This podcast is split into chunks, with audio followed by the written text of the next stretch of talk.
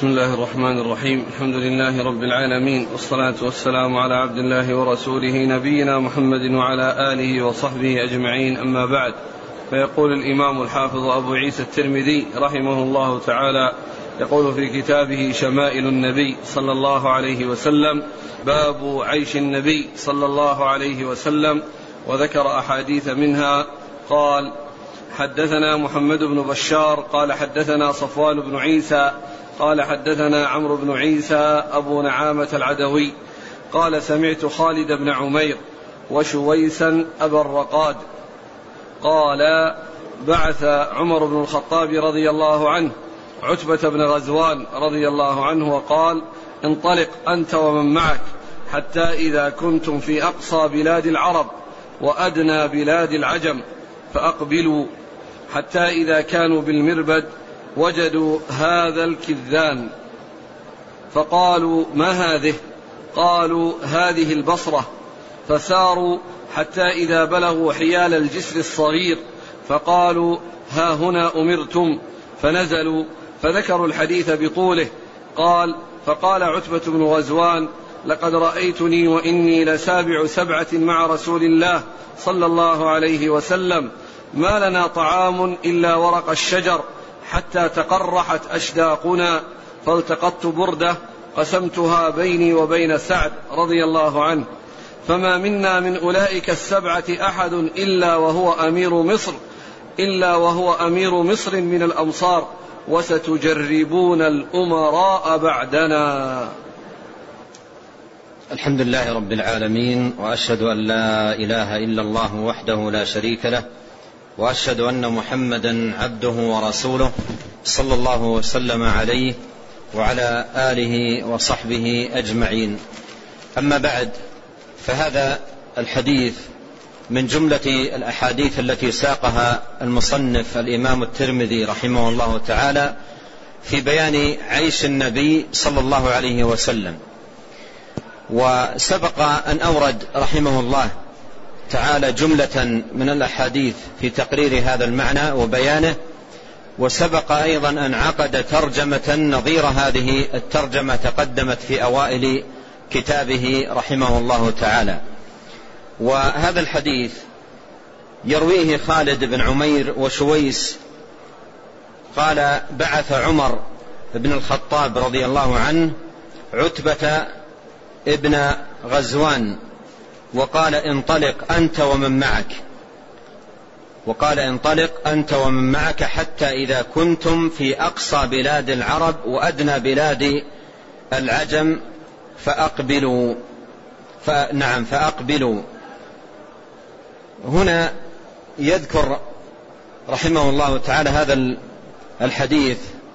فيه أولا بعثة عمر رضي الله عنه لعتبة ابن غزوان في آه، جماعة من الصحابة رضي الله عنهم ليكونوا على الرباط في ثغور أهل الإسلام. وحدد لهم عمر رضي الله عنه منطقة ليكونوا فيها. وهي المنطقة التي حددت هنا. قال إذا كنتم في أقصى بلاد العرب وأدنى بلاد العجم يعني إذا وصلتم إلى هذه المنطقة أقصى بلاد العرب وأدنى بلاد العجم يعني بداية بلاد العجم فترابطون في تلك المنطقة. قال فأقبلوا حتى أو ف... نعم فأقبلوا حتى إذا كانوا بالمربد. لعلها والله أعلم فأقبلوا. قال وأدنى بلاد العجم فأقبلوا حتى إذا كانوا بالمربد يعني مربد البصرة. لما وصلوا إلى المربد مربد البصرة وكانت لم تبنى بعد لم تكن مدينة وإنما كانت أرض ومتميزة بنوع من الحجارة يقال لها البصرة. يقال لها البصرة ولهذا قال وجدوا هذا الكذان حجارة وهي حجارة رخوة بيضاء فقالوا ما هذه؟ قالوا هذه البصرة يعني هذه الحجارة الهشة الرخوة سريعة التفتت والتكسر. هذه يقال لها البصرة وكانت مدينة البصرة لم تبنى بعد. ولهذا قيل إن الذي بنى البصرة هو عتبة بن غزوان رضي الله عنه. هو الذي بنى آه، آه، البصرة. وإلا كانت أرضا متميزة بهذا النوع من الحجارة. فلما سألوا عن الكدان قالوا ما هذه؟ قالوا هذه البصرة. ليس المراد البصرة يعني المدينة لأنها لم تبنى وقتئذ ولم تكن موجودة وقتئذ وإنما الموجود أرض وفيها آه، صخور من من رمل هش ورخوة سريعة التكسر فقالوا ما هذه؟ قالوا هذه البصرة. فساروا فساروا حتى إذا بلغوا حيال الجسر الصغير.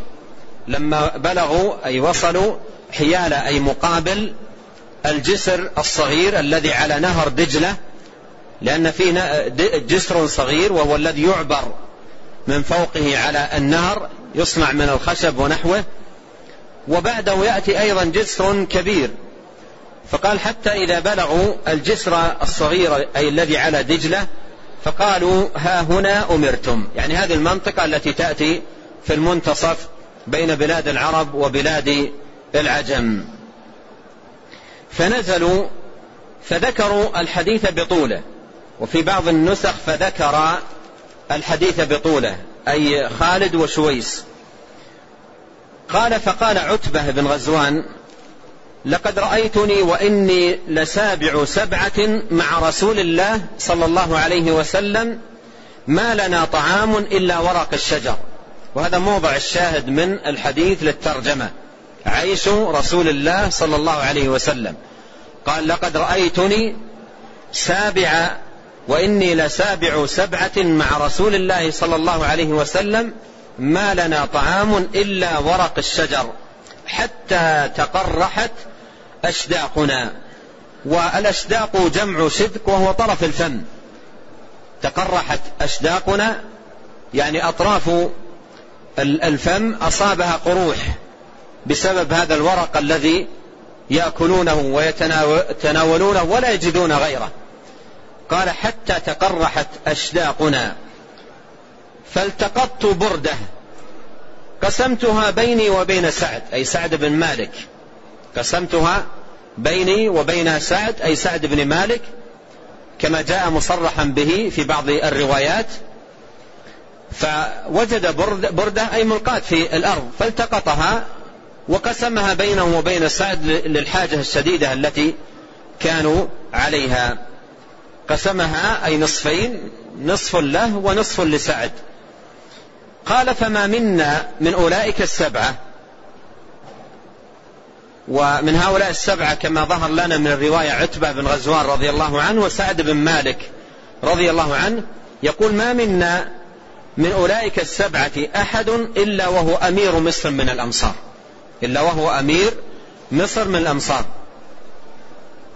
يذكر النعمة التي آل إليها أمرهم وحالهم بعد تلك الحال من الشظف وقلة العيش والجهد.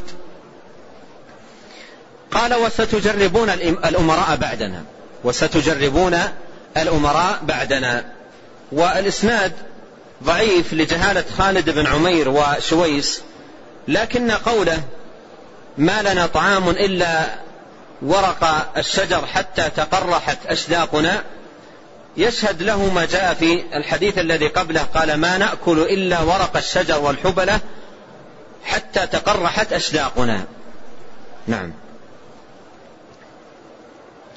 قال حدثنا عبد الله بن عبد الرحمن قال حدثنا روح بن أسلم أبو حاتم البصري قال حدثنا حماد بن سلمة قال حدثنا ثابت عن أنس رضي الله عنه أنه قال قال رسول الله صلى الله عليه وسلم لقد أخفت في الله وما يخاف أحد ولقد أوذيت في الله وما يؤذى أحد ولقد أتت علي ثلاثون من بين ليلة ويوم وما لي ولبلال طعام يأكله ذو كبد إلا شيء يواريه إبط بلال.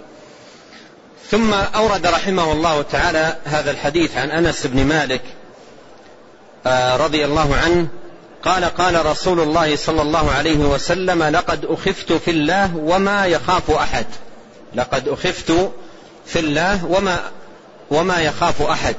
يعني في صدر الدعوة وبدايتها ومكابدته ومجاهدته وعمله عليه الصلاة والسلام في النصرة لدين الله وكيد الكفار له وتربصهم به الدوائر وحرصهم على القضاء عليه وعلى دعوته والكيد الكبار الذي كانوا يكيدونه له عليه الصلاة والسلام. فيذكر ذلك صلى الله عليه وسلم بقوله يقول لقد أخفت في الله وما يخاف أحد. في الله يعني في سبيل الله. في الله أي في سبيل الله وفي سبيل الدعوة إلى دينه ونصرة الحق والهدى. قال ولقد أوذيت في الله وما يؤذى أحد. ولقد أوذيت في الله. أوذي عليه الصلاة والسلام في الله في سبيل الله وفي سبيل دعوة الله ونصرة دينه. وما يؤذى أحد يعني في وقت ما كان أحد يؤذى فبدأ عليه الصلاة والسلام الدعوة صابرا محتسبا باذلا جهده مع الأذى الشديد والكيد الكبار الذي يكيده له أعداء دين الله تبارك وتعالى وتلقى ذلك كله صلوات الله وسلامه عليه صابرا محتسبا. قال ولقد أتت علي ثلاثون من بين ليلة ويوم. وهذا ذكره للتأكيد. من بين ليلة ويوم يعني ثلاثين يوم وليلة كاملات. من بين ليلة ويوم وما لي ولبلال طعام يأكله ذو كبد. يعني لا لا أجد طعاما يأكله ذو كبد يعني صاحب كبد. وهذا يشمل الإنسان والحيوان. كلها يقال لها ذو كبد. فما يجد. طعاما يأكله ذو كبد قال إلا شيء يواريه إبط بلال. يعني شيء قليل خفية. يأكله عليه الصلاة والسلام في ذلك الوقت.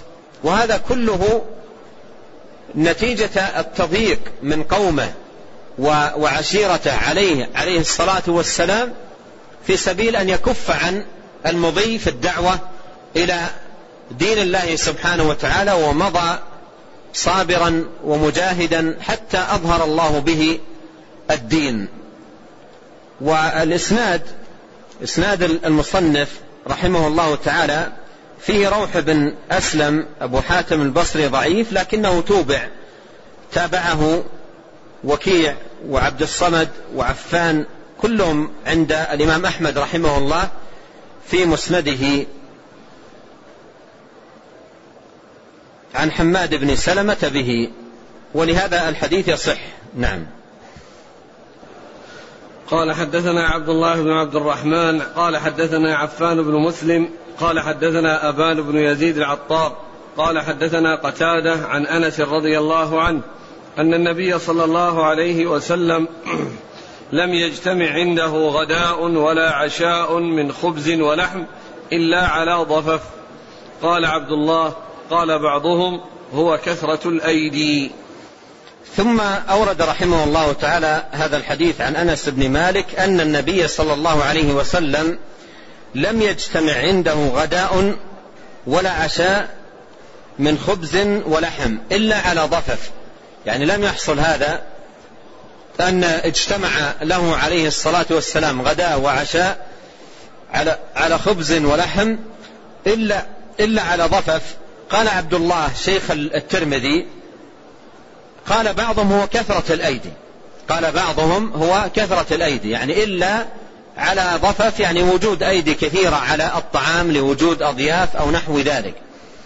والحديث سبق أن مر عند المصنف رحمه الله في الترجمة المتقدمة باب ما جاء في عيش رسول الله صلى الله عليه وسلم ونقل مالك ابن دينار آه أنه سأل رجلا من أهل البادية ما الضفف؟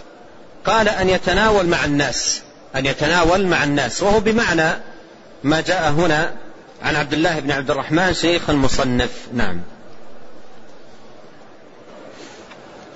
قال حدثنا عبد بن حميد قال حدثنا محمد بن إسماعيل بن أبي فديك قال حدثنا ابن أبي ذئب عن مسلم بن جندب عن نوفل بن إياس الهذلي قال كان عبد الرحمن بن عوف رضي الله عنه لنا جليسا وكان نعم الجليس وإنه انقلب بنا ذات يوم حتى إذا دخلنا بيته ودخل فاغتسل ثم خرج وأتينا بصحفة فيها خبز ولحم. فلما وضعت بكى عبد الرحمن فقلت له يا أبا محمد ما يبكيك؟ فقال هلك رسول الله صلى الله عليه وسلم ولم يشبع هو ولا أهل بيته من خبز الشعير فلا أرانا أخرنا لما هو خير لنا. ثم أورد رحمه الله تعالى هذا الحديث عن نوفل بن ياس الهذلي قال كان عبد الرحمن بن عوف رضي الله عنه لنا جليسا كان لنا جليسا وكان نعم الجليس يثني على هذا الصحابي الجليل عبد الرحمن بن عوف أحد العشرة الذين بشرهم النبي صلى الله عليه وسلم بالجنة. قال وإنه انقلب بنا ذات يوم حتى إذا دخلنا بيته ودخل فاغتسل ثم خرج وأتينا بصحفة. يعني جاءنا الخادم أو نحوه بصحفة. والصحفة هي التي كما مر معنا في النقل الذي نقلته سابقا عن الثعالب في فقه اللغة الصحفة هي التي تشبع الأربعة. الصحفة هي التي تشبع الأربعة. يقول حتى وأتينا بصحفة فيها خبز ولحم فيها خبز ولحم. فلما وضعت بكى عبد الرحمن أي بن عوف رضي الله عنه. قال فقلت يا أبا محمد ما يبكيك؟ يعني ما سبب هذا البكاء؟ وضعت الصحفة فيها هذا الطعام الشهي الطيب لحم وخبز. فبكى رضي الله عنه. قال قلت يا أبا عبد الرحمن ما يبكيك؟ قال هلك رسول الله صلى الله عليه وسلم ومعنى هلك أي مات والتعبير بهذا لا حرج فيه. والله عز وجل قال في القرآن عن نبيه يوسف عليه السلام حتى إذا هلك قلتم لن يبعث الله من بعده رسولا. قال حتى إذا هلك أي حتى إذا مات رسول الله صلى الله عليه وسلم ولم يشبع هو ولا أهل بيته من خبز الشعير. لم يشبع هو وأهل بيته ولا أهل بيته من خبز الشعير. فلا أرانا أخرنا لما هو خير لنا. فلا أرانا أخرنا لما هو خير لنا. لأن البكاء الذي بكاه رضي الله عنه كان خوفا مما يترتب على السعة في الدنيا. مما يترتب على السعة في الدنيا. وأن ذلك ربما يكون أن طيبات الإنسان عجلت له عجلت له في في حياته الدنيا. فيقول لا أرانا أخرنا لما هو خير لنا. يعني من هذا التوسع في العيش و والنعمة والطعام الوافر فكانوا يخافون أن يكون ذلك من تعجيل الطيبات للإنسان في حياته الدنيا. وهذا الحديث هو آخر حديث أورده المصنف رحمه الله في هذه الترجمة وإسناده ضعيف لجهالة نوفل ابن إياس الهذلي. لكن جاء في صحيح الإمام البخاري رحمه الله تعالى أن عبد الرحمن بن عوف أتي بطعام وكان صائما. فقال قتل مصعب بن عمير وهو خير مني. كفن في بردة. إن غطي رأسه بدت رجلاه. وإن غطي رجلاه بدا رأسه. وقتل حمزة وهو خير مني. ثم بسط أو قال أعطينا الدنيا. أو قال أعطينا الدنيا. أعطينا الدنيا أعطينا من الدنيا ما أعطينا. أو قال ثم بسط أو قال أعطينا من الدنيا ما أعطينا. وقد خشينا أن تكون حسناتنا عجلت لنا. وقد خشينا أن تكون حسناتنا عجلت لنا. ثم جعل يبكي وترك الطعام.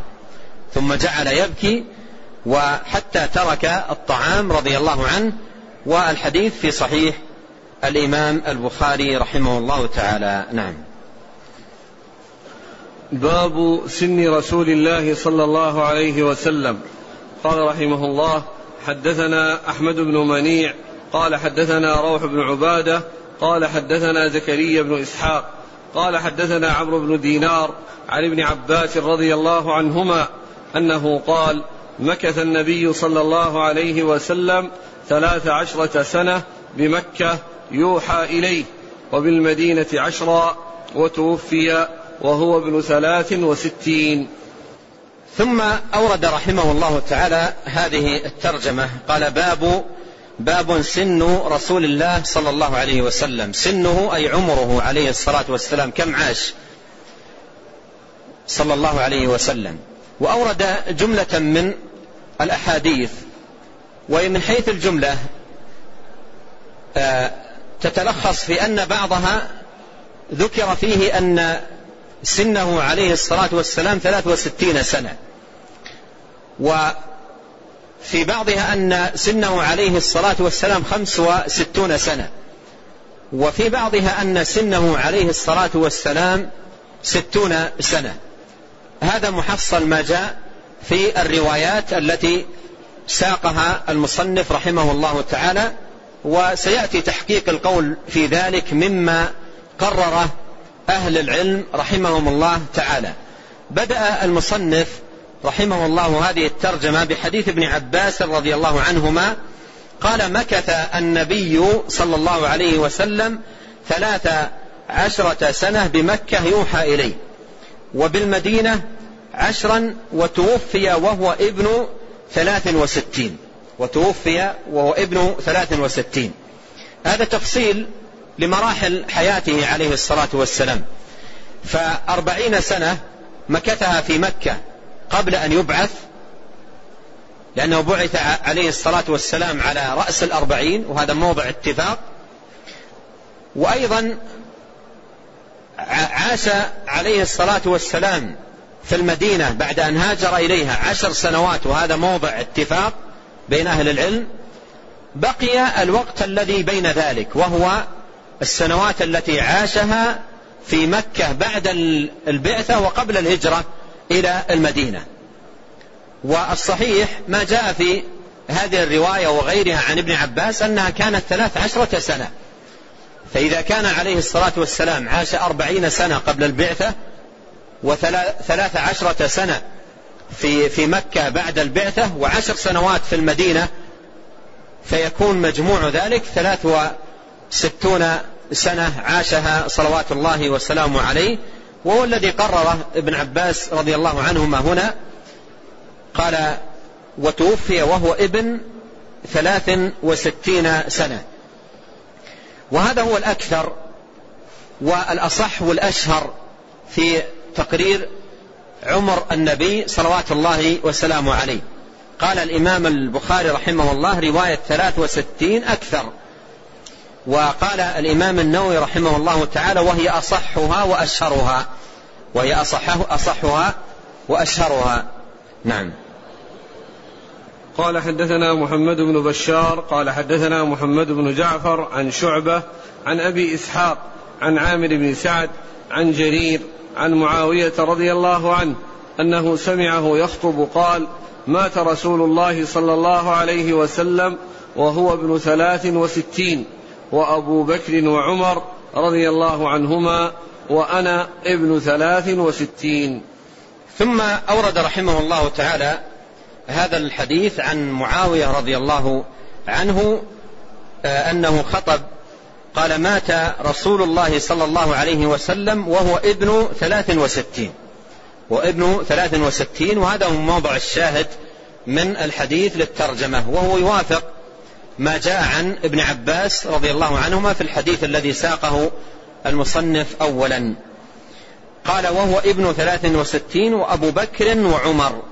وأنا ابن ثلاث وستين. يعني وقت الخطبة التي خطبها معاوية رضي الله عنه كان عمره ثلاثا وستين. قال وأنا ابن ثلاث وستين. ولعله كما قال بعض الشراح يعني توقع أن يكون أن تكون وفاته في تلك السنة. أن تكون وفاته في تلك السنة. لكنه عاش عاش إلى أن بلغ عمره ثمانين سنة تقريبا. لم يمت في تلك السنة التي خطب فيها وكان عمره فيها ثلاث وستين سنة. الشاهد أن حديث معاوية مطابق لحديث ابن عباس في أن عمر النبي صلى الله عليه وسلم كان ثلاث وستين سنة. نعم. قال حدثنا حسين بن مهدي البصري قال حدثنا عبد الرزاق عن ابن جريج عن الزهري عن عروة عن عائشة رضي الله عنها أن النبي صلى الله عليه وسلم مات وهو ابن ثلاث وستين سنة. ثم أورد رحمه الله هذا الحديث عن أم المؤمنين عائشة رضي الله عنها وهو مطابق لما جاء في حديث معاوية وحديث آه، ابن عباس رضي الله عنهم. والحديث حديث عائشة في إسناده عن عنة بن جريج وهو مدلس لكنه توبع تابعه يونس بن يزيد وعقيل بن خالد وابن أخي الزهري كلهم عن الزهري به وهو في الصحيحين في صحيحي البخاري ومسلم فالحديث ثابت ويشهد له أيضا الأحاديث التي قبله. نعم. قال حدثنا أحمد بن منيع ويعقوب بن إبراهيم الدورقي قال حدثنا إسماعيل بن علي بن, علي بن علية عن خالد الحذاء قال أخبرني عمار مولى بني هاشم قال سمعت ابن عباس رضي الله عنهما يقول توفي رسول الله صلى الله عليه وسلم وهو ابن خمس وستين. ثم أورد رحمه الله تعالى هذا الحديث عن ابن عباس رضي الله عنهما قال توفي رسول الله صلى الله عليه وسلم وهو ابن خمس وستين. وهذا يخالف آه، الرواية الأولى المروية عن ابن عباس رضي الله عنهما أن النبي صلى الله عليه وسلم توفي وهو ابن ثلاث وستين سنة. والرواية المعتمدة كما قرر أهل العلم هي الرواية الأولى التي فيها أن النبي صلى الله عليه وسلم توفي وهو ابن ثلاث وستين وهي التي عليها الأكثر وهي الأشهر والأصح في عمر النبي صلوات الله وسلامه عليه. ولهذا هي المعتمدة كما قال ذلك الحافظ بن حجر وغيره وما جاء خلاف خلافها عن ابن عباس إما أن يكون شاذ أو مؤول. نعم. قال حدثنا محمد بن بشار ومحمد بن أبان قال حدثنا معاذ بن هشام قال حدثني أبي عن قتادة عن الحسن عن دغفر بن حنظلة رضي الله عنه أن النبي صلى الله عليه وسلم قبض وهو ابن خمس وستين.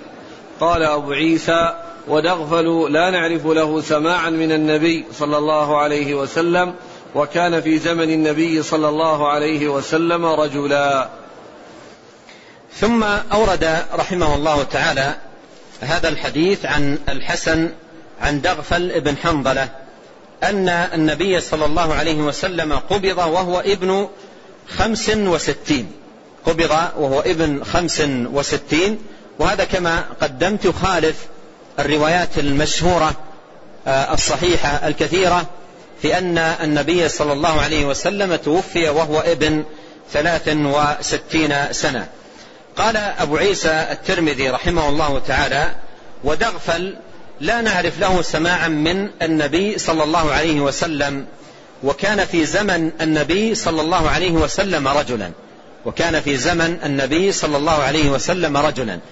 أي أن آه، آه، ثبوت الصحبة له ثبوت الصحبة له موضع نظر لأنه كان رجلا في زمن النبي عليه الصلاة والسلام لكن ليس هناك ما يدل آه، ويثبت أنه سمع من النبي عليه الصلاة والسلام.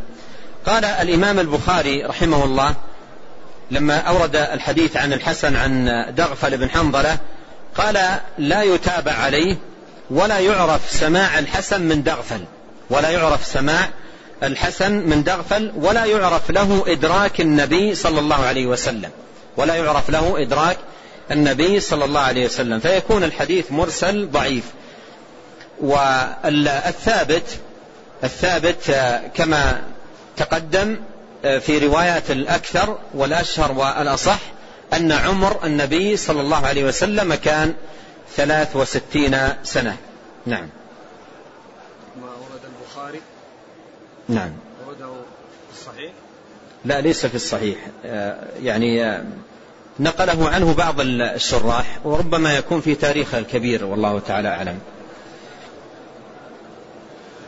قال حدثنا إسحاق بن موسى الأنصاري قال حدثنا معا قال حدثنا مالك بن أنس عن ربيعة بن أبي عبد الرحمن عن أنس بن مالك رضي الله عنه أنه سمعه يقول كان رسول الله صلى الله عليه وسلم ليس بالطويل البائن ولا بالقصير ولا بالأبيض الأمهق ولا بالآدم ولا بالجعد القطط ولا بالسبط. بعثه الله تعالى على رأس أربعين سنة فأقام بمكة عشر سنين وبالمدينة عشر سنين وتوفاه الله على رأس ستين سنة وليس في رأسه ولحيته عشرون شعرة بيضاء. قال حدثنا قتيبة بن سعيد عن مالك بن أنس عن ربيعة بن أبي عبد الرحمن عن أنس بن مالك رضي الله عنه نحوه. ثم أورد المصنف رحمه الله تعالى هذا الحديث حديث أنس بن مالك رضي الله عنه. وهذا الحديث هو كما نذكر أول حديث ساقه المصنف رحمه الله تعالى في كتابه الشمائل في باب صفة النبي صلى الله عليه وسلم. وساقه هناك من الطريق التي آه، ساقها المصنف رحمه الله آه، آخرا طريق قتيبة بن سعيد عن مالك بن أنس عن ربيعة بن أبي عبد الرحمن عن أنس. فهذا أول حديث ساقه المصنف رحمه الله في باب صفة النبي صلى الله عليه وسلم. لكنه أعاده هنا وألفاظ الحديث كلها مضى شرحها هناك لكنه أعاده هنا رحمه الله لقوله بعثه الله تعالى على رأس أربعين سنة فأقام بمكة عشر سنين وبالمدينة عشر سنين وتوفاه الله على رأس ستين سنة وليس في رأسه ولحيته عشرون شعرة بيضاء. فهذه الرواية فيها أن عمر النبي صلى الله عليه وسلم الذي توفي عليه صلوات الله وسلامه عليه ستون سنة. لكن الصحيح وهذا سبق أن مر بيانه وتوضيحه الصحيح أن أن هذا فيه إلغاء الكسر في العدد في إلغاء الكسر في العدد. ولهذا جاء في الحديث من وجه آخر عن ابن عب عن ابن عن أنس بن مالك رضي الله عنه في صحيح مسلم وغيره قال ثلاث وستين سنة. قال ثلاث وستين سنة بعدم إلغاء الكسر. فقد يكون إلغاء الكسر من بعض الرواة.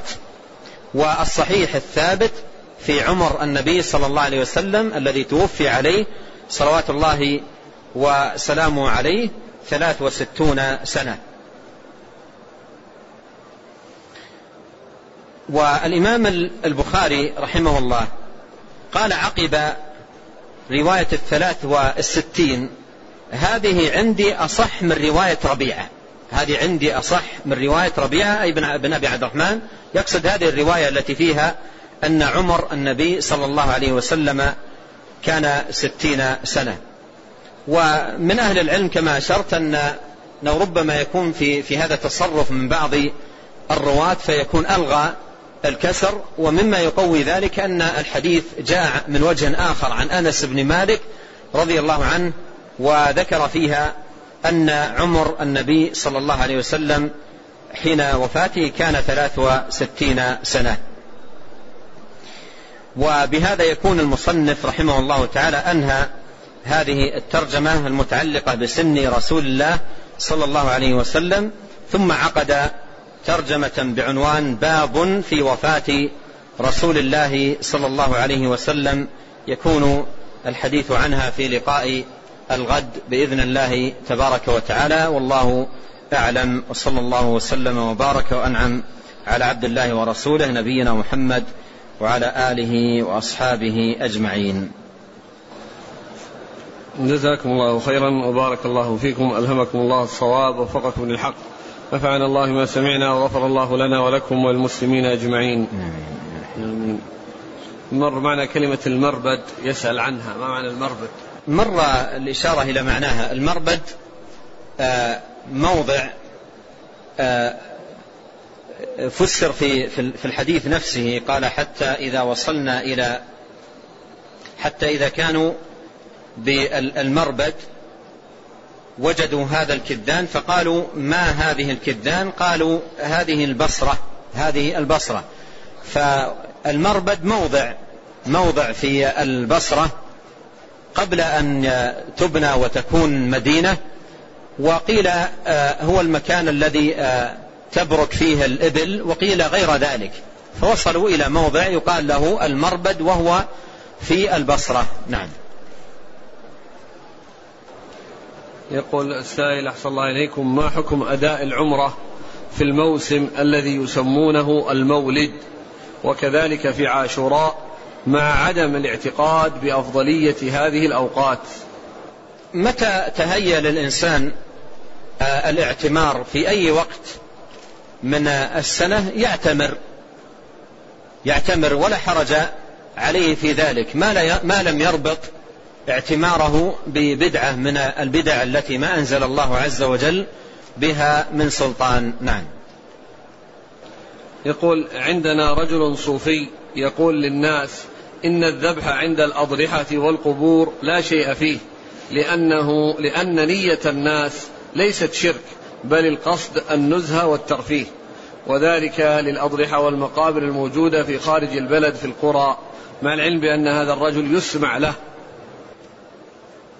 هذا آه، هذا القول من من هذا القائل جمع بين أخطاء وتناقضات في الوقت نفسه.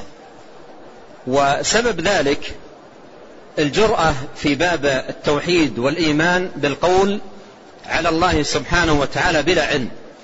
ولهذا لاحظ الفرق بين مثل هذا الشخص في تقريره للأحكام وبين تقرير أهل العلم الراسخين. أهل العلم الراسخين في مثل هذا الباب يقول يجوز لأن الله تعالى يقول كذا وكذا. أو يقول لا, لا يجوز لأن الله تعالى يقول كذا وكذا. أو لأن النبي صلى الله عليه وسلم يقول كذا وكذا. ومثل هؤلاء لما يقررون الباطل ليس لهم في كتاب الله وسنة نبيه صلى الله عليه وسلم حجة ولا تمسك فيلجؤون إلى مثل هذه التخرصات والظنون التي يبنون عليها الأحكام. ومن التناقض والمخالفة في تقرير هذا القائل أن القبور ليست موضع للنزهة والترفيه ليست موضع للنزهة والترفيه. حتى يقول أن الناس يذبحونها آه، في آه، تعيد كلمته.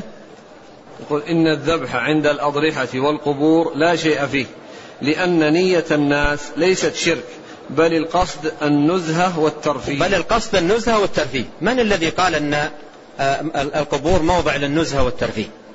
من الذي قال أن القبور موضع للنزهة والترفيه؟ النبي صلى الله عليه وسلم ما قال كنت نهيتكم عن زيارة القبور ألا فزوروها فإنها للنزهة والترفيه قال ألا فزوروها فإنها تذكركم الآخرة. القبور تذكر الآخرة. ليست موضع للنزهة والترفيه وليست موضع لذبح اللحوم. النبي صلى الله عليه وسلم نهى عن العقيرة. ليست موضع لذبح اللحوم والأكل والترفيه كما يظنه هذا الظن. فهذا كله من الخطأ المبني على الجهل بدين الله سبحانه وتعالى. والذبح عند القبور الذبح عند القبور لا يخلو من حالتين. إما أن يكون ذبح متقربا بذبيحته للمقبورين فهذا من الشرك بالله الناقض للدين. وقد قال الله سبحانه وتعالى قل إن صلاتي ونسكي ومحياي ومماتي لله رب العالمين وقال جل وعلا فصل لربك وانحر وقال عليه الصلاة والسلام كما في حديث علي بن أبي طالب رضي الله عنه لعن الله من ذبح لغير الله. وجاء في آه، الحديث الذي يرفع إلى النبي صلى الله عليه وسلم أنه قال دخل رجل الجنة في ذباب ودخل رجل النار في ذباب. قالوا كيف ذاك يا رسول الله؟ قال مر رجلان بقوم عندهم صنم لا يجوز أحد حتى يقولوا له قرب. فقالوا لأحدهما قرب قال لا أجد شيئا أقربه. قالوا قرب ولو ذبابا. فاصطاد ذبابا من الهواء وقطع رأسه مقربا للذباب لذلك الصنم فمات فدخل النار. قالوا للآخر قرب. قال لم أكن لأقرب لأحد غير الله. فقطع عنقه فدخل الجنة. فقطع عنقه فدخل الجنة. فالذبح لغير الله تبارك وتعالى شرك ناقل من ملة الإسلام وقد لعن النبي صلى الله عليه وسلم فاعله. وإذا كان الذي يذبح في عند القبر لا لا يريد أن يتقرب به إلى القبر وإنما يعتقد أن الذبيحة هناك أفضل أو أنفع أو نحو ذلك من الاعتقادات فهذه من البدع العظيمة المنكرة التي تسوق صاحبها إلى الشرك بالله فهو ذريعة من ذرائع الشرك الموصلة إليه. ولهذا لا يجوز أن تذبح الذبائح عند آه، القبور لا للتقرب للمقبورين فهذا من الشرك ولا بغير قصد التقرب من المقبورين لأن هذا من الأعمال التي لا أصل لها ولا أساس لها في دين الله بل جاءت الدلائل والشواهد على تحريم ذلك عنه صلوات الله وسلامه عليه. صلى الله عليكم. هذا يطلب تعريف للشرك الأصغر. يقول لأن وجدنا تعريفين بعضهم مطلق وبعضهم مقيد فما هو التعريف الصحيح للشرك الأصغر؟ الشرك الأصغر يختلف عن الشرك الأكبر في حده وفي حكمه.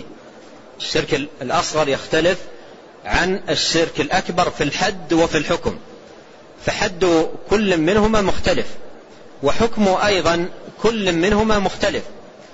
فأما الشرك الأكبر الناقل من الملة فهو آه، تسوية غير الله بالله في شيء من خصائص الله أو حقوقه سبحانه وتعالى. تسوية غير الله بالله في شيء من خصائص الله عز وجل أو, أو حقوقه. خصائص الله كالربوبية وكالأسماء والصفات. فمن سوى غير الله بالله في شيء من خصائص الله فهذا مشرك شركا أكبر. وكذلك من سوى غير الله بالله في شيء من حقوق الله. من حقوق الله على عباده الدعاء الذبح التوكل الرجاء إلى غير ذلك من العبادات. العبادات كلها حق لله على عباده. كما جاء في حديث معاذ بن جبل قال لي النبي صلى الله عليه وسلم أتدري ما حق الله على العباد وما حق العباد على الله؟ قلت الله ورسوله أعلم. قال حق الله على العباد أن يعبدوه ولا يشركوا به شيئا. فالعبادة بأنواعها حق لله سبحانه وتعالى على عباده. فمن سوى غير الله في حقه الذي هو العبادة بأنواعها فقد أشرك شركا أكبر ناقل من الملة. فالذي يدعو غير الله أو يذبح لغير الله أو يتوكل على غير الله أو ينذر لغير الله أو يستغيث بغير الله أو يصرف غير ذلك من أنواع العبادة لغير الله يكون بذلك ارتكب الشرك الأكبر الناقل من الملة الذي قال الله عنه إن الله لا يغفر أن يشرك به ويغفر ما دون ذلك لمن يشاء. هذا حد الشرك الأكبر. أما حد الشرك الأصغر فعرفه أهل العلم بأنه ما جاء في النصوص تسميته شركا لكنه لم يصل إلى حد الأكبر. ما جاء في النصوص تسميته شركا ولم يصل لم يبلغ إلى حد الشرك الأكبر. ومن ذلكم شرك الألفاظ. شرك الألفاظ يعني لما يأتي على لسان الإنسان لفظ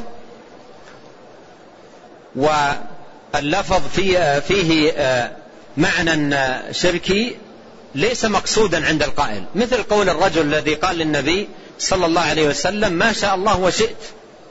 قال أجعلتني لله ندا بل قل ما شاء الله وحده. بل, بل قل ما شاء الله وحده. هذا من الشرك الأصغر. ولو اعتقد معتقد أن مشيئة النبي صلى الله عليه وسلم مساوية لمشيئة الله فهذا شرك أكبر ولو لم يقل ما شاء الله وشئت. ولو لم يقل ما شاء الله وشئت. لكن العبارة هذه من الشرك الأصغر. وكذلك الحلف بغير الله. وكذلك قول القائل لولا البط لا أتانا اللصوص أو لولا قائد السفينة لغرقنا أو نحو ذلك. فهذه كلها آه، ألفاظ شركية هي من الشرك الأصغر. آه، آه، لا تنقل من الملة بل هي ذريعة للشرك الأكبر. ومن حيث الحكم يختلفان. الشرك الأكبر ينقل صاحبه من الملة ويكون به كافرا خارجا من الإسلام والشرك الأصغر لا يكون صاحبه به كافرا خارجا من الملة لكنه يكون به مرتكبا عظيما من العظائم وكبيرا من الكبائر. حتى قال ابن مسعود آه، رضي الله عنه لأن أحلف بالله كاذبا أحب إلي من أن أحلف بغيره صادقا. لأن أحلف بالله كاذبا أحب إلي من أن أحلف بغيره صادقا. لأن الحلف بالله كاذبا اجتمع فيه أمران. حسنة التوحيد وسيئة ماذا؟ الكذب.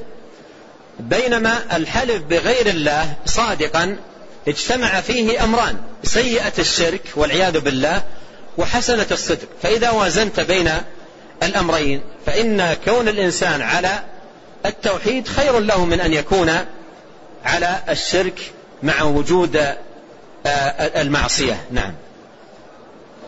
يقول السائل إنسان نائم في رمضان فلما استيقظ وجد نفسه جنبا فماذا يترتب عليه؟ صيامه صحيح لا يضره أن يكون احتلم وهو نائم ويغتسل وليس عليه يعني الجنابة لا تضر لا تضر صيامه صيامه صحيح. نعم.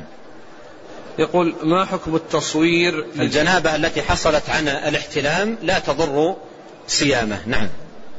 ما حكم التصوير للذكرى؟ التصوير للذكرى لا يجوز وإنما التصوير يكون للضرورة. إذا كان هناك ضرورة للتصوير يفعل ذلك. مثل الجواز ومثل رخصة القيادة وغير ذلك مما يضطر إليه الإنسان فهذا لا حرج على الإنسان فيه وما سوى ذلك يبقى على أصل المنع للنصوص الكثيرة في الوعيد الشديد عن النبي صلى الله عليه وسلم في ذلك. نعم. يقول ما حكم زيارة المرأة لقبر رسول الله صلى الله عليه وسلم؟ صح في الحديث عنه عليه الصلاة والسلام أنه قال لعن الله زوارات القبور. والمراد بزوارات أي زائرات القبور. فهذا الحديث يدل على أن المرأة منهية عن زيارة القبور. نعم. كيف يحب العبد ربه؟ هناك أمور معينة على آه، تقوية المحبة محبة العبد لربه سبحانه وتعالى وتحقيقها في القلب. هناك أمور معينة اوصلها ابن القيم في جمع نافع وتقرير متين في كتاب مدارج السالكين إلى عشرة أمور. إلى عشرة أمور آه، عقد لها فصلا خاصا في مدارج السالكين. عشرة أمور معينة على المحبة. ومن هذه الأمور التي ذكرها رحمه الله تعالى آه، مطالعة أسماء الله وصفاته والتأمل في معانيها وفهمها فهما صحيحا في ضوء كتاب الله وسنة نبيه صلى الله عليه وسلم والمأثور عن السلف الصالح رحمهم الله. ومن الأمور المعينة على المحبة مجالسة المحبين وأهل الخير والفضل والديانة. ومن الأمور المعينة على محبة الله قراءة كتابه ومداومة النظر في القرآن الكريم في بتدبر وتأمل لكلام الله سبحانه وتعالى من الأمور المعينة المحبة فيما ذكره مراعاة الأوقات الفاضلة بجمع القلب بالإقبال على الله سبحانه وتعالى وخاصة كما ذكر ابن القيم رحمه الله مراعاة الثلث الأخير من الليل ومن الأمور المعينة على تقوية المحبة الإكثار من ذكر الله سبحانه وتعالى فذكر رحمه الله تعالى عشرة أمور تعين العبد على المحبة أوصي وأنصح بمطالعتها في كتاب مدارج السالكين عندما تكلم عن منزلة المحبة رحمه الله تعالى.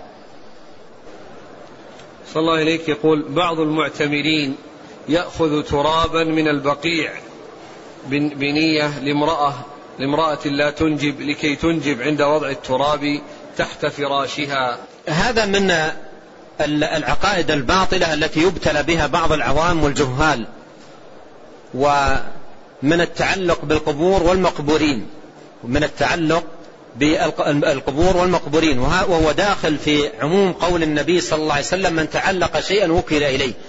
فمثل هذا الذي يتعلق هو وزوجته في الإنجاب بتراب يأخذه من قبور البقيع فيضعها تحت فراش زوجته لتنجب يوكل إلى هذا التراب. ومن وكل إلى مثل هذا التراب وكل إلى ضعف ووهن.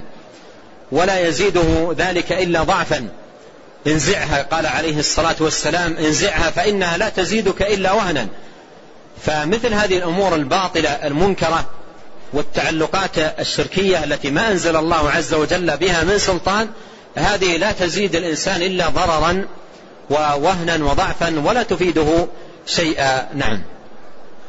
يقول هل معية الله تعالى حقيقية؟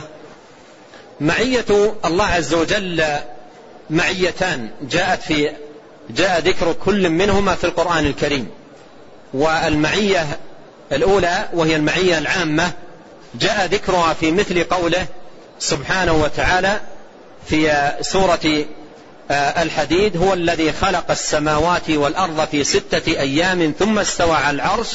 يعلم ما يلج في الأرض وما يخرج منها وما ينزل من السماء وما يعرج فيها وهو معكم أينما كنتم. وكذلك قوله سبحانه وتعالى في سورة المجادلة إلا هو معهم أين ما كانوا. فهذه معية عامة.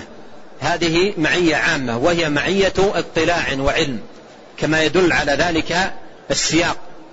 لأن الله عز وجل بدأ الآية بالعلم وختمها بالعلم. فالمراد بالمعية العامة معية العلم والاطلاع وهذه حقيقتها. هذه حقيقتها المعلومة من سياق الآيات التي وردت فيها هذه المعية.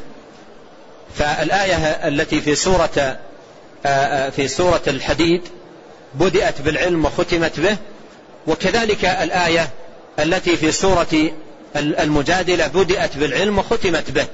ما يكون من نجوى ثلاثة إلا هو رابعهم ولا خمسة إلا هو سادسهم ولا أدنى من ذلك ولا أكثر إلا هو معهم أينما كانوا ثم ينبئهم آه، ثم ينبئهم بما عملوا يوم القيامة. إن الله بكل شيء عليم. فبدأ الآية بالعلم وختمها به.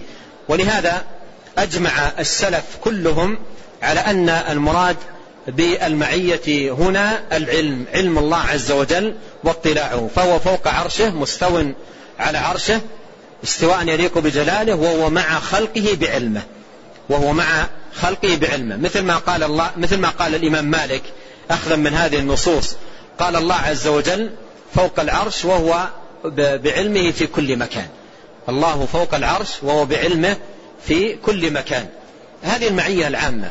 والمعية الخاصة جاءت في مثل قوله إنني معكما أسمع وأرى وفي مثل قوله لا تحزن إن الله معنا وفي مثل قوله إن الله مع الذين اتقوا والذين هم محسنون. هذه معية خاصة لأنبيائه وأوليائه وأصفيائه وهي معية بالحفظ والتأييد والنصر والعون. نعم. يقول في القصة المشهورة لما جاء أبو بكر رضي الله عنه بكل ماله وعمر بنصف ماله فقال النبي صلى الله عليه وسلم لأبي بكر ماذا تركت لأهلك؟ فقال تركت لهم الله ورسوله. يقول هذه الواو ما حكمها؟ قوله آه، رضي الله عنه تركت لهم الله ورسوله ليس هذا من من قبيل التسوية؟ ليس هذا من قبيل التسوية؟ وإنما أن آه، آه، أن أهل بيته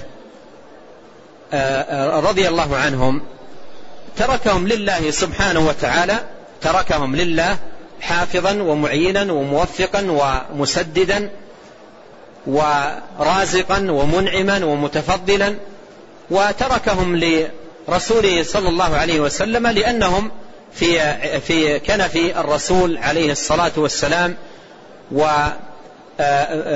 في في نعم في كنف الرسول صلى الله عليه وسلم. فهذا معنى المعنى المراد. فليس المراد هنا التسوية وإنما هم تركهم لله يحفظهم ويرزقهم ويعينهم وتركهم للرسول صلى الله عليه وسلم لأنه صلى الله عليه وسلم ما يأتيه من قوت ورزق وغير ذلك يقسمه بين أصحابه ويعطيهم من رزق الله الذي أعطاه. نعم. يقول ما حكم إهداء ختمة قرآن للميت؟ هل تحسب له؟ الصحيح أن الإهداء للميت يقتصر فيه على ما دل عليه الدليل على خلاف بين أهل العلم في هذه المسألة. والأصل في, قول في, في ذلك قول الله تعالى وأن ليس للإنسان إلا ما سعى فيقتصر في في هذا الباب على ما دل عليه الدليل ولم يأتي دليل خاص يدل على مشروعية ختم القرآن وإهداء ثوابه للميت والله أعلم. يقول ما حكم دفن الميت في الدار بدلا عن المقبرة؟ لا يجوز. الميت يدفن في في القبر في المقابر. يدفن الموتى في المقابر لا يدفنون في البيوت. وقد قال عليه الصلاة والسلام لا تجعلوا بيوتكم قبورا. يعني لا تتركوا بيوتكم من قراءة القرآن وذكر الله فتصبح مثل القبور. فتصبح مثل القبور. فالبيوت ليست مقابر ليست مكانا للدفن. وأما دفن النبي عليه الصلاة والسلام في حجرة عائشة فهذا من خصوصياته. لأنه لما مات آه، أشكل على الصحابة رضي الله عنهم أين يدفن صلوات الله وسلامه عليه فروى لهم أبو بكر أنه سمع من النبي صلى الله عليه وسلم أنه قال الأنبياء يدفنون حيث ماتوا. وهذا سيأتي في الترجمة القادمة عند المصنف رحمه الله تعالى. يقول هل يجوز أن نقوم بعمرة عن إنسان لم يصلي أبدا؟ مع العلم بأن هذا الإنسان قبل أن يموت كانت له نية أن يصلي. من كان تاركا للصلاة ليس بمسلم ومن كان ليس بمسلم لا يجوز أن يعتمر عنه ولا أن يحج عنه ولا أن يدعى له بالرحمة والمغفرة. إذا كان مات تاركا للصلاة يكون مات على غير الإسلام والعياذ بالله. نعم. أكثر الأسئلة جاءت في مسألة العمرة. هل يجوز الاعتمار عن الميت أو العاجز؟ الاعتمار عن الميت يجوز آه، إذا كان من أراد أن يعتمر عنه قد اعتمر عن نفسه. إذا كان قد اعتمر عن نفسه فله أن يعتمر عن ميته سواء كان من قرابته أو لم يكن من قرابته. وهذا من الأمور التي آه، تفيد الميت. هذا من الأمور التي تفيد الميت وهي مستثنات من قوله وأن ليس للإنسان إلا ما سعى لورود أدلة خاصة تدل على ذلك.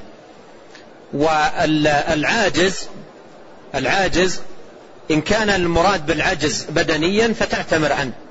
إذا كان المراد بالعجز العجز البدني فتعتمر عنه يعني إذا كان كبيرا هارما لا يستطيع أن يركب فلك أن تعتمر عنه. أما إذا كان نشيط بدنيا وعاجز ماليا فلا يجوز أن تعتمر عنه. والله أعلم. وصلى الله وسلم وبارك وأنعم على عبده ورسوله نبينا محمد وآله وصحبه أجمعين. جزاكم الله خيرا. سبحانك اللهم وبحمدك أشهد أن لا إله إلا أنت أستغفرك وأتوب إليك.